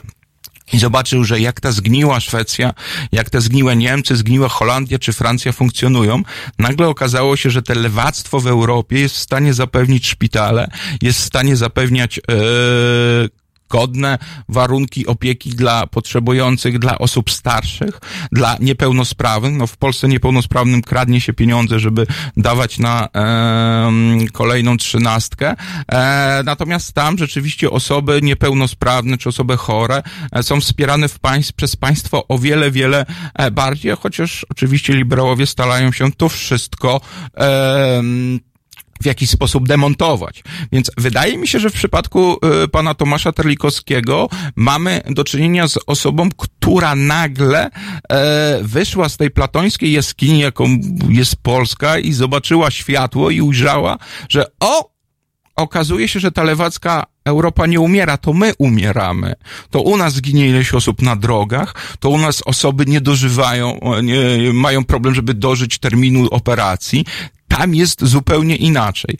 I e, pytanie jest, ile osób na prawicy jest w stanie przejść na takie myślenie. W przypadku pana Terlikowskiego wy, wynika ono ze społecznej nauki Kościoła, ale nie wiem, w przypadku innych osób, na przykład klubu jagiellońskiego, e, wydaje się, e, że e, coraz więcej osób zaczyna być przekonanych do tego, w jaki sposób e, można urządzić e, e, państwo polskie. I tutaj mamy pewien problem, który polega właśnie na tym, że y, jedynym jedyną e, obawą, czy pewnym, pewną e, granicą, e, czy punktem granicznym, e, przez który pan Terlikowski i osoby mu podobne e, nie mogą przejść, no to są kwestie obyczajowe. Tutaj chodzi przede wszystkim o, o, o kwestie małżeństw homoseksualnych, no i o mm, aborcję. E, być może jednak e, stanie się tak, ja mam takie wrażenie, jeżeli chodzi o polską e, prawicę, że jeżeli ona się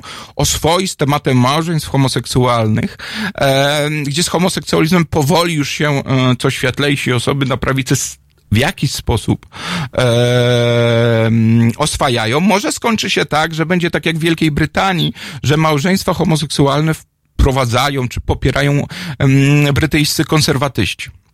E, może stanie się tak jak w Holandii, że brytyjscy konserwatyści, czy, czy, czy skrajni konserwatyści, którzy na przykład e, nienawidzą imigrantów, jednocześnie są osobami, które mm, nie mają nic przeciwko prawom gejów. To znaczy chodzi o to, że może nie to pokolenie, ale już następne pokolenie e, konserwatystów e, będzie jeszcze bardziej na lewo niż, e, niż Tomasz e, Terlikowski. Tego oczywiście, e, oczywiście mu życzymy. Ja bym, że tak powiem, namawiał Państwa do śledzenia tej zmiany u, u Tomasza Terlikowskiego, ze względu na to, że ona jest w mojej ocenie dosyć symptomatyczna dla niektórych osób na prawicy.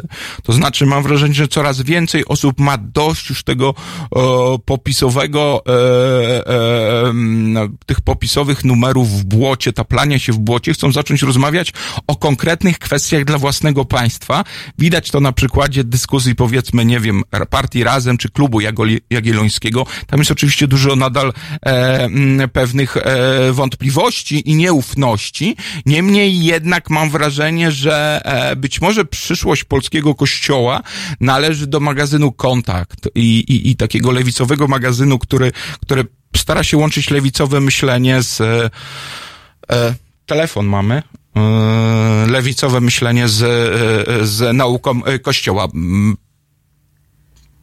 Mamy telefon. Halo? Halo? Dobry wieczór. Dobry wieczór. Dariusz z tej strony. Witamy.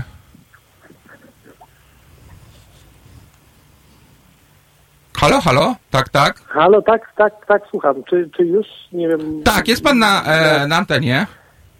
Okej.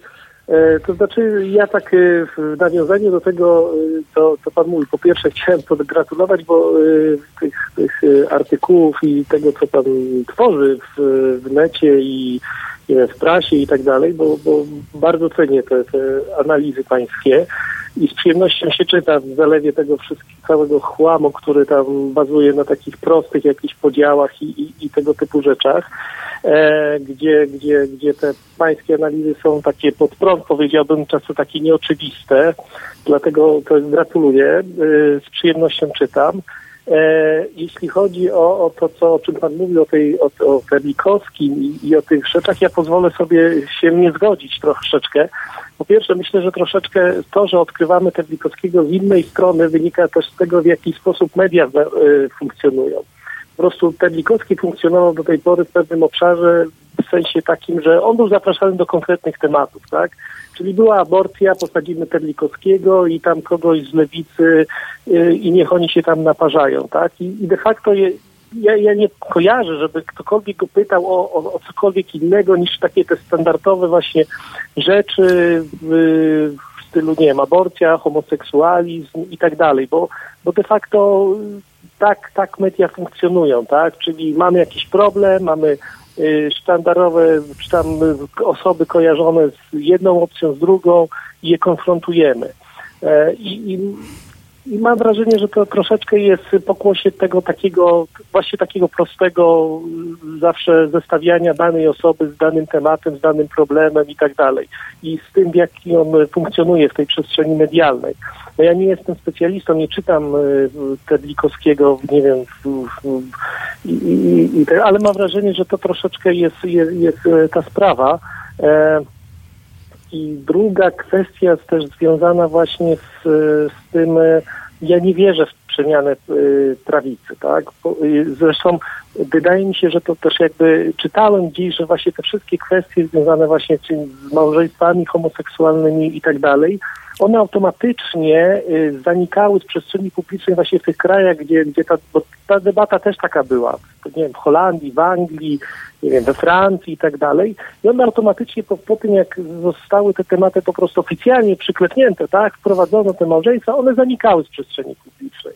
Mam wrażenie, że troszeczkę prawica funkcjonuje na takiej zasadzie antytezy, tak? Czyli cokolwiek by, nie wiem, lewica nie podniosła, to dla prawicy jest po prostu antytezą, tematem, który po prostu, który należy zwalczać, cokolwiek by to nie było, tak? Jakkolwiek nie byłby to, nie wiem, jakiś słuszny argument, mądry e, i tak dalej. E, to, Dobrze. To jest na zasadzie nie, nie wiem na ile to, to, to, to spostrzeżenie e, pan podziela, ale ja mam wrażenie, że to w dużej mierze po prostu tak to funkcjonuje. Być może teraz z razem troszeczkę sytuacja się zmieniła, ponieważ dla prawicy razem jest o tyle niewdzięczne, że ono się wyłamuje razem, czy w ogóle lewica, taka już ta sejmowa, wyłamuje się troszeczkę z tego, a zwłaszcza razem, który nie ma tych korzeni komunistycznych, do których oni mogą się tam odwoływać, jaki to, to, to, to, to zła jest ta lewica, tak, bo, bo, bo tutaj strasznie, bo tam, nie wiem, kiedyś ktoś tam do, PZPR należał, albo do jakiejś młodzieżówki i tak dalej, tak. Yy, a lewica troszeczkę się wyłamuje z tego, z tego takiego prostego bycia, y, znaczy, nie wiem, zaprzeczania wszystkiemu y, to, Tak, co... tak, ja tu się- y, znaczy- nie- Może tak, re, reasumując te wątki, no po pierwsze bardzo panu dziękuję za miłe słowa. Y, To naprawdę jest budujące, jeżeli komuś się podoba to, co e, ktoś tam tworzy sobie w internecie czy po gazetach. Natomiast e, jeżeli chodzi o samego Terlikowskiego, on jest dla mnie, y, dla mnie sytuacja z Tomaszem Terlikowskim jest taka, że z jednej strony, owszem, on jest pewną mniejszością, czyli on być może pokazuje pewien raczkujący trend, e, w tym sensie, że rzeczywiście on był całe życie tylko panem od aborcji, tak byśmy nazywali, a okazuje się, że ma też inne poglądy, to są czasami poglądy progresywne, jeżeli chodzi o pewne mm, zabezpieczenie e, socjalne. Być może ja przeceniam tą jego zmianę, natomiast mam wrażenie, że być może widzimy teraz również za sprawą partii Razem taką sytuację, że nagle s- osobami, o których w życiu byśmy o to nie podejrzewali, jesteśmy w stanie się porozumieć co do niektórych punktów. Się, przypomina mi się Sylwia Hutnik, która opowiada, że najlepiej o prawach kobiet opowiadały się z kołem gospodyń wiejskich.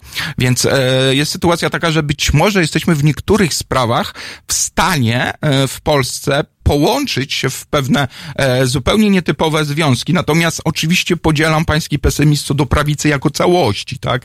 To znaczy tak, tutaj w przypadku prawicy co do całości ja nie mam em, złudzeń co do tego, e, jaki to jest ruch i w którą stronę on Polskę prowadzi. Niemniej jednak być może jest pewna część z tego społeczeństwa, nie wiem jak mówi Antoni Dudek niech będzie na przykład, czy, czy Terlikowski w sprawach socjalnych, gdzie e, zmienia się na lepsze. E, chociaż oczywiście no czas pokaże, na ile ta zmiana e, będzie. E, I cóż, e, dziękujemy za telefon. Ja postaram się, ponieważ no teraz jest e, c- czas na przerwę muzyczną, natomiast e, ja postaram się jeszcze do pana komentarza odnieść po kawałku muzycznym i, i, i postaram się szerzej to omówić, dobrze? Także dziękuję jeszcze raz za telefon, no i zapraszam państwa i również pana e, do, do częstszego dzwonienia. Wtedy myślę, że e, rzeczywiście e, audycja też ruszy z kopyta. Dziękuję jeszcze raz. Pozdrawiam.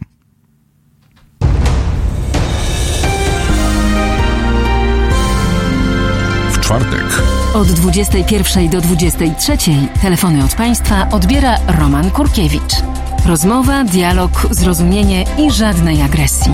21-23. Zapraszamy. www.halo.radio. Słuchaj na żywo, a potem z podcastów.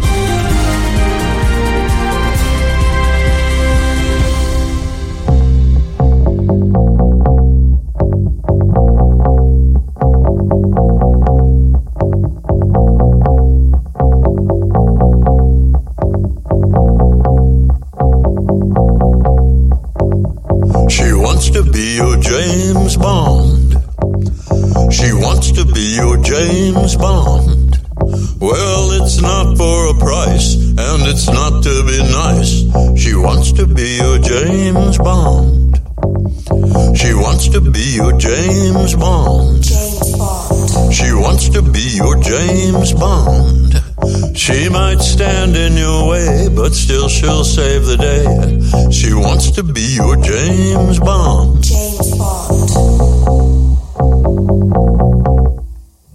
Oh. She walks like him, talks like him too.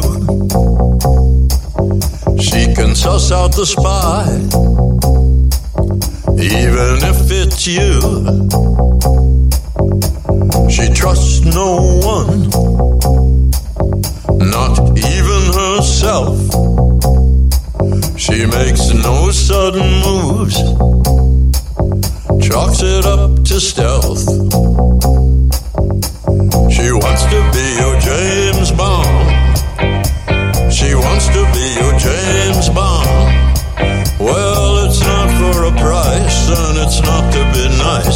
She wants to be your James Bond.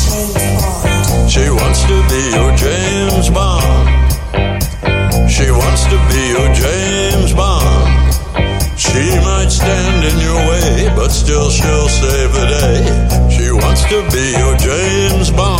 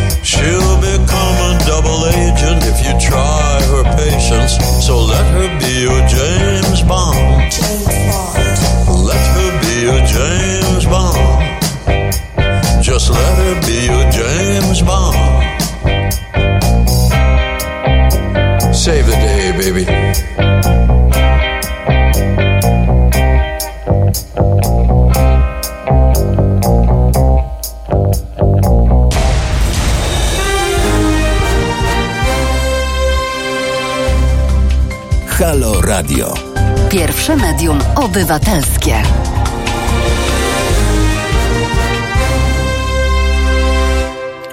E, witam Państwa e, z powrotem. Galopujące Mario z Otchłani. Zapraszamy na ostatnią część dzisiejszej audycji, e, gdzie będziemy sobie mu mówili o, o, o- polskiej prawicy i o polskim dyskursie prawicowym. Zapraszam do pisania na teraz małpahalo.radio albo do dzwonienia do nas pod numer 22 39 059 e, 22. Przed chwilą dzwonił pan Dariusz, e, którego gorąco pozdrawiam. Jeszcze raz dziękuję za miłe słowa. E, I tak jak obiecałem, miałem się odnieść w paru słowach do, do tego, do tej e, rzekomej przemiany brata Tomasza Terlikowskiego. E, mianowicie, owszem, no, Rozumiem, że możemy być pełni nieufności i owszem, rozumiem, że sami, czy sam Terlikowski wrzucił się trochę do getta takiego pana od aborcji i tylko wyłącznie o, o, od aborcji i owszem, ja pamiętam te wszystkie negatywne teksty o kobietach, zwłaszcza ten jeden tekst, gdy Angelina Jolie e, poddała się operacji usunięcia piersi w obawie przed e, ryzykiem, em, e, wysokim ryzykiem e, zachorowania na raka. Ja pamiętam olbrzymi rechot e, męskiej, prawicowej męskiej e, części e, polskiego internetu, ale też polskiej publicystyki. Okazało się, że piersi Angeliny, e, że piersi Angeliny Jolie to są, to jest rzecz, która jest również własnością polskiej prawicy i że ona nie może z nimi robić tego, e, co by chciała i Tomasz Terlikowski niestety tutaj wiódł prym w takich dosyć oburzających komentarzach. Natomiast e, pomyślałem sobie o czymś jednym, a mianowicie pomyślałem sobie teraz, proszę Państwa, o Romanie Giertychu. A mianowicie oczywiście, no wszyscy, e, czy, czy, czy większość w Polsce osób ma wyrobione zdanie na temat Romana Giertycha. Natomiast ja patrzę na Romana Giertycha, czy przykład Romana Giertycha i tego, w jaki sposób on niejako został przytulony do łona Platformy Obywatelskiej czy Koalicji Obywatelskiej. Z jednej strony jest to oburzające dla niektórych i, i przykład pewnego koniunkturalizmu, ale z drugiej strony e, mam em, wrażenie, że e, ta koalicja obywatelska, czy platforma obywatelska jeszcze czasów Tuska mm, miała taką zdolność kooptacji poszczególnych osób do swojego obozu. I taką zdolność ma teraz e, Prawo i Sprawiedliwość, które bierze i Krystynę Pawłowicz, i, i Piotrowicza, i profesora Kika, i Magdę Ogórek, i Aleksandrę em, e, Jakubowską i nie mają z tym żadnego problemu, nie mają też problemu, żeby brać osoby z nowoczesnej, e, z koalicji obywatelskiej, jak pan Gryglas i tak dalej, i tak dalej. Innymi słowy, chodzi o to, że e, te obozy być może są tak silne, być może tak dominujące w Polsce, ponieważ nie mają aż e, tak wysokiej poprzeczki w postaci polityki e, tożsamościową. I tutaj jest tożsamościowy. I tutaj mamy jeden z takich większych problemów, który jest obecnie na lewicy, mm, a ten problem polega na tym, na ile ta poprzeczka może być obniżona, to na ile na ruch lewicowo, lewicowo-liberalny, czy w ogóle stricte lewicowy jest w stanie e, wybaczać błędy młodości, jest w stanie wybaczać zmianę em, poglądów i przyjmować swoje e, szeregi. Ja mam tutaj takie wrażenie, że niestety e, to się po prostu nie udaje.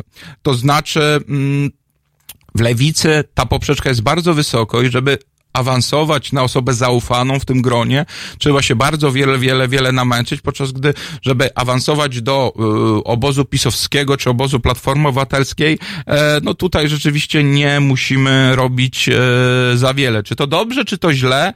E, przyznam się, że nie wiem. Natomiast e, no daję tutaj pod, pod rozwagę e, wszystkim takie, takie pytanie. E, z, co trzeba zrobić, żebyśmy byli w stanie wybaczyć komuś jego dawne winy i przyjąć go e, do naszego środowiska? Nie mówię, że oczywiście Terlikowskiego mamy teraz przyjmować do, nie wiem, środowisko lewicowych liberałów, ale co trzeba zrobić, żebyśmy mogli porozmawiać z drugą stroną e, bez jakiejś nienawiści i spróbować się dogadać w sprawach, których e, możemy się dogadać i tutaj właśnie nie, przypominam sobie tą rozmowę z Sylwią Hutnik, która mówiła, że wydawałoby się, że z koło gospodyń wiejskich jest takim środowiskiem, z którym niekoniecznie będzie można się um, dogadać, tam czas okazuje się, że wręcz przeciwnie, wobec czego cały czas, e, wobec czego cały czas e, zastanawiam się.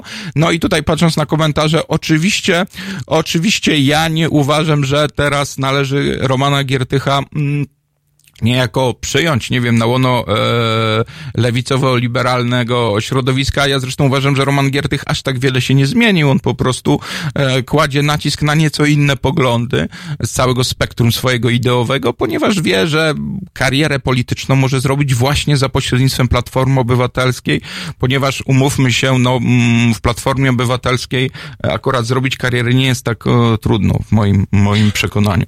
E, wobec czego jest to taki wehikuł, który ma przywrócić Romana Giertycha mm, do władzy. Niemniej jednak no, zastanawiam się, że jeżeli klubu Jagiellońskiego, z e, Usterlikowskiego padają jakieś słowa związane z e, tym, czy e, warto o, rozmawiać i warto rozmawiać na jakieś wspólne tematy, to, to, to myślę, że trzeba się mm, e, tym zastanowić. Natomiast teraz chciałbym wrócić jakby do, do drugiej, mm, drugiej części wypowiedzi pana Dariusza, tego czym się, bo o, o, o coś, czego, o może tak, czego się obawia mm, polska prawica. No i mamy takie bardzo e, e, fajne, e, fajne badanie, e, które zlecone było bodajże przez Okopres, które mm, Ipsos zrobił badanie dla Okopres. Em, Pytanie brzmiało, które z poniższych zjawisk są najpoważniejszymi e, zagrożeniami dla Polski w obecnym stuleciu. No i mieliśmy według wyborców PiSu i według wyborców e, Koalicji Obywatelskiej. Według wyborców Koalicji Obywatelskiej to był kryzys klimatyczny, brak wody, wzrost temperatury 41% bodajże, e, tak, mm, e, tak stwierdziło. 34 mówiło o kryzysie, e, można było brać jedno z kilku bodajże. Mm, e, mówiło o wyjściu Polski z Unii Europejskiej, 32, czy na trzecim miejscu nasilenie ruchów nacjonalistycznych. Jak to wyglądało po stronie PiSu? A więc największym zagrożeniem, 54%, to było ruch LGBT, potem było zagrożenie ze strony Rosji, a na końcu kryzys demograficzny, starzenie się społeczeństwa. To jest dosyć, e, to jest dosyć e, istotna różnica i teraz parę słów chciałem powiedzieć właśnie o, o, o, o ruchu LGBT i, i tego, dlaczego prawica boi się ruchu em, LGBT. To znaczy, dlaczego, może inaczej, siewcy strachu odnieśli taki e, ogromny sukces. Proszę Państwa, e, największym problemem, e, walką z LGBT jest łączenie e, praw człowieka, osób LGBT z mm, edukacją seksualną. Prawicy udało się zrobić taki myk, że teraz, jeżeli ktośkolwiek myśli o ruchu LGBT, to od razu myśli o edukacji seksualnej 4, 8, 7, 9 latek. Są dwie oddzielne rzeczy. Każdy, kto był na jakiejkolwiek paradzie równości, nie widział tam gołych osób z piórkami, e, jak to często się pisze na prawicy, tylko widział osoby ubrane, które miały transparenty, że się kochają w sensie e, nie erotycznym właśnie, tylko e, powiedzmy e, w sensie uczuciowym i mówimy o osobach, które e, w jakiś sposób chcą e, razem e, żyć i mieszkać. E, e, postulaty tego ruchu to są postulaty tego, żebyście, drodzy prawicowi koledzy i koleżanki, nie rzucali w nas kamieniami, żebyście nie wypowiadali nam mieszkań, nie wyrzucali nas z pracy, albo żebyśmy mogli iść za rękę po ulicy i nic nam się nie stanie. To są postulaty tego, żeby można było po sobie dziedziczyć, postulaty tego, żeby mieć dostęp do lekarza. I tutaj jest taki słynny, e, słynny prawicowy mit, że przecież te wszystkie prawa nie są zupełnie e, potrzebne, bo wszystko można e, załatwić u notariusza. No to jest e, pewne kłamstwo. Część rzeczy można załatwić u notariusza. No mamy swobodę zawierania umów, więc można się y, umówić na wiele rzeczy, ale proszę Państwa, jeżeli mamy parę e, homoseksualną i nagle ta osoba e, wychodzi z domu i potrąci ją, oczywiście na przejściu na pieszych, jak to w Polsce często się zdarza, e, samochód, no to wtedy ta osoba e, trafia do szpitala, no i na przykład jest nieprzytomna, no i ona już jako nieprzytomna nie wstanie i nie powie, proszę wpuścić tego pana albo tą panią, kto chce do mnie, e, e, do mnie przyjść. Z jednej strony ja sobie oczywiście zdaję sytuację, że s- sprawę z tego, że no sytuacje w szpitalach są różne i często po prostu wpuści kogoś, bo to jest brat albo siostra, ale czasami jest taka sytuacja, że osoby związku e, partnerskim, związku homoseksualnym żyją wyklęte przez własne rodziny. No i nagle, gdy jest jakiś wypadek, e, to się może okazać, że ta druga osoba jest całkowicie wówczas odcięta, ponieważ e, osoba, która jest chora, niejako wtedy o jej losie trochę decyduje rodzina, która niekoniecznie może mieć chęć, żeby partner czy partnerka e, przychodziła do szpitala. Więc to jest jeden z takich przykładów e, tego, jak wygląda sytuacja i, i, i prawna, ale też bardzo często faktyczna takich par. E, z tego też względu uważam, że bardzo, bardzo ważną rzeczą jest próba odseparowania tych dwóch ruchów i nie dawania się wciągania e, w tą sytuację, że jeżeli mówimy o LGBT, to od razu mówimy o edukacji seksualnej. Nie, to są dwie oddzielne kwestie. To jest pierwsza rzecz.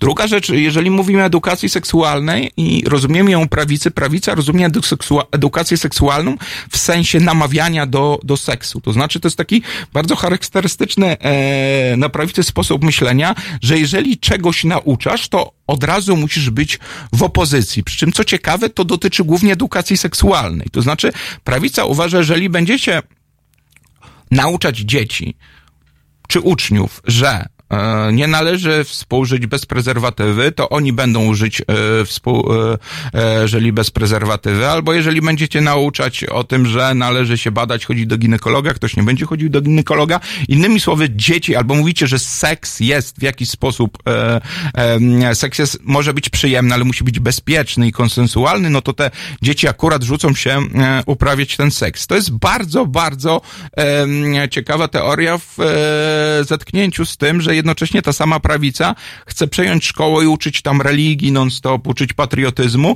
i tutaj to prawo oporu ze strony uczniów zupełnie nie działa. Czyli mamy sytuację, że jeżeli uczeń dostaje lekcję edukacji seksualnej, to będzie działał wbrew tym lekcjom i specjalnie pójdzie, nie wiem, uprawiać seks, bo będzie do tego zachęcony.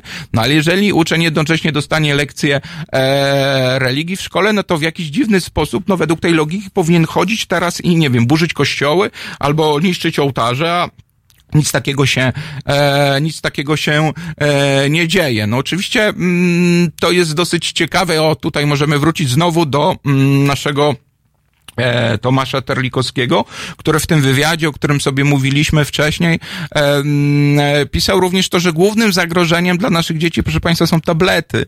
Głównym zagrożeniem dla dzieci jest to, że wychowują ich youtuberzy, a nie to, że na lekcji dowie się, że trzeba iść do ginekologa albo, albo, albo powinny być tabletki e, e, antykoncepcyjne używane, e, albo na seks trzeba się zgodzić i to zgoda powinna być wyraźna i e, e, a nie dorozumiana. E, to wszystko powoduje, no oczywiście to, że prawica jest e, w pewnym ciągu takiego bezlogicznych, bez, znaczy ciągu następstw, które e, nie mają jakiegoś logicznego uzasadnienia, mianowicie z jednej strony nie chce mieć lekcji edukacji seksualnej, z drugiej strony nie chce mieć e, dużo aborcji. No i to powoduje, że niestety, no albo jedno, albo drugie. E, nie da się mieć ciastka, zjeść ciastka. No jeżeli nie będzie lekcji mm, e, edukacji seksualnej, a rodzice tych lekcji często nie przeprowadzają, prawicowi rodzice, zwłaszcza w obawie e, przed tym, że dzieci jak usłyszą, e, to od razu rzucą się w ramiona i będą uprawiały seks, chociaż oczywiście te dzieci słyszą o tym non-stop od swoich, e, mm, może nie najbliższych, ale, ale swoich przyjaciół i znajomych w szkole, wobec czego sytuacja jest taka, że zostawiamy ich całkowicie bez ochrony, zostawiamy ich również bez ochrony przed pedofilią i to jest jedna z naj, i to jest jakby podsumowanie dzisiejszej dyskusji, a mianowicie z jednej strony mamy więc prawicę, która bardzo krzyczy o to, że chce chronić rodzinę, a z drugiej strony wystawia te biedne dzieci na żer rozmaitym pedofilom, również pedofilom w sutannach, którzy po prostu w, e, potrafią to e, wykorzystać i wykorzystać pozycję dominującą, jak ten ksiądz e, Radosław. Wobec czego no tutaj ja cały czas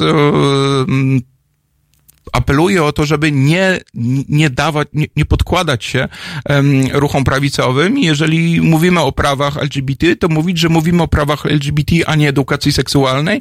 Jak mówimy o edukacji seksualnej, to mówmy o edukacji seksualnej. Tymczasem, no powiem, taką prawicową fiksacją, em, jeżeli chodzi o zagrożenie strony LGBT, no to jest ta książka Pawła Lisickiego ostatnio, gdzie tam rzeczywiście są jakieś jego e, fantazje, rozpisane fantazje erotyczne, natomiast co się robi na lekcjach edukacji seksualnej, tutaj Państwa nie chcę już e, e, epatować jakimiś szczegółami, natomiast e, rzeczywiście mamy do czynienia e, z taką sytuacją, że E, prawica rzeczywiście wyobraża sobie lekcje edukacji seksualnej jako po prostu takie filmy pornograficzne. Pamiętacie Państwo w Monty Pythonie taki był słynny e, fragment lekcji. No to oni myślą, że rzeczywiście to, em, to tak e, wygląda. E, no oczywiście to wszystko powoduje, że skala niewiedzy u nastolatek jest ogromna. Czasami trafia to potem e, na kwejka czy na inne strony. O co się pytają e, dziewczyny e, w młodym wieku, jak zaś w ciąży, jak to wszystko działa. Oczywiście no to wszystko jest potem wykorzystywane przez osoby starsze, które potrafią wtedy mm, e, tymi e, osobami e, zmanipulować. Tyle, e, mm, tyle jeżeli chodzi o dzisiejsze, e, dzisiejsze rozważania. E, za tydzień spotykamy się znowu. E, będziemy sobie mówić również o kwestiach być może już bardziej politycznych, ponieważ e, ten Sejm ruszy na ostro. E, podejrzewam, że będzie kwestia odwołania pani Magdy Biejat. E, myślę, że będzie również kwestia aborcji, e, ponieważ ona zostanie skierowana być może do e, następnego e, czytania, e, wobec czego no mm, mamy, mamy o czym e, rozmawiać. E, mam nadzieję, że e, chociaż trochę się Państwu spodobało. E, jeżeli chodzi o następny odcinek, zapraszam do, do częstego dzwonienia e, czy do pisania. Postaram się na wszystko, e, na wszystko odpowiedzieć. Jeżeli Państwo macie jakieś pomysły na tematy, które moglibyśmy e, tutaj poruszać, albo jakieś teksty, które chcielibyście, żeby było mówione, jakieś wyjątkowo kuriozalne, to, e, to zapraszam do pisania na teraz małpa Halo Radio. E, ja już się e, z Państwem żegnam. Dziękuję, dziękuję serdecznie. Galopujący major, dobranoc.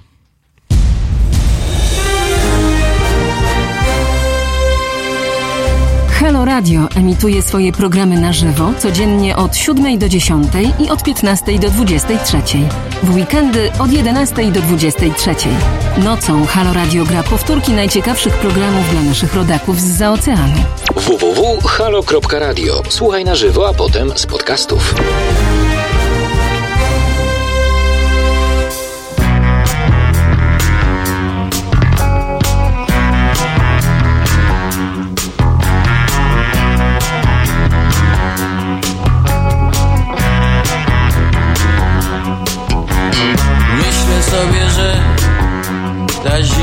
Kiedyś musi minąć Zazieleni się, urośnie kilka drzew. Niedojedzony chleb zdąży w ustach się rozpłynąć. A niedopity rum rozgrzeje jeszcze krew